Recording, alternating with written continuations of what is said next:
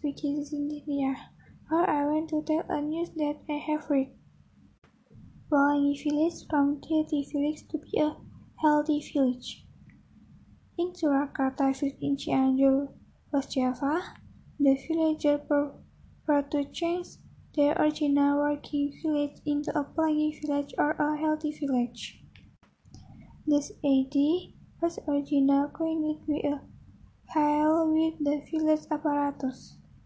Pelangi village will become a pillar art that was briefly held there.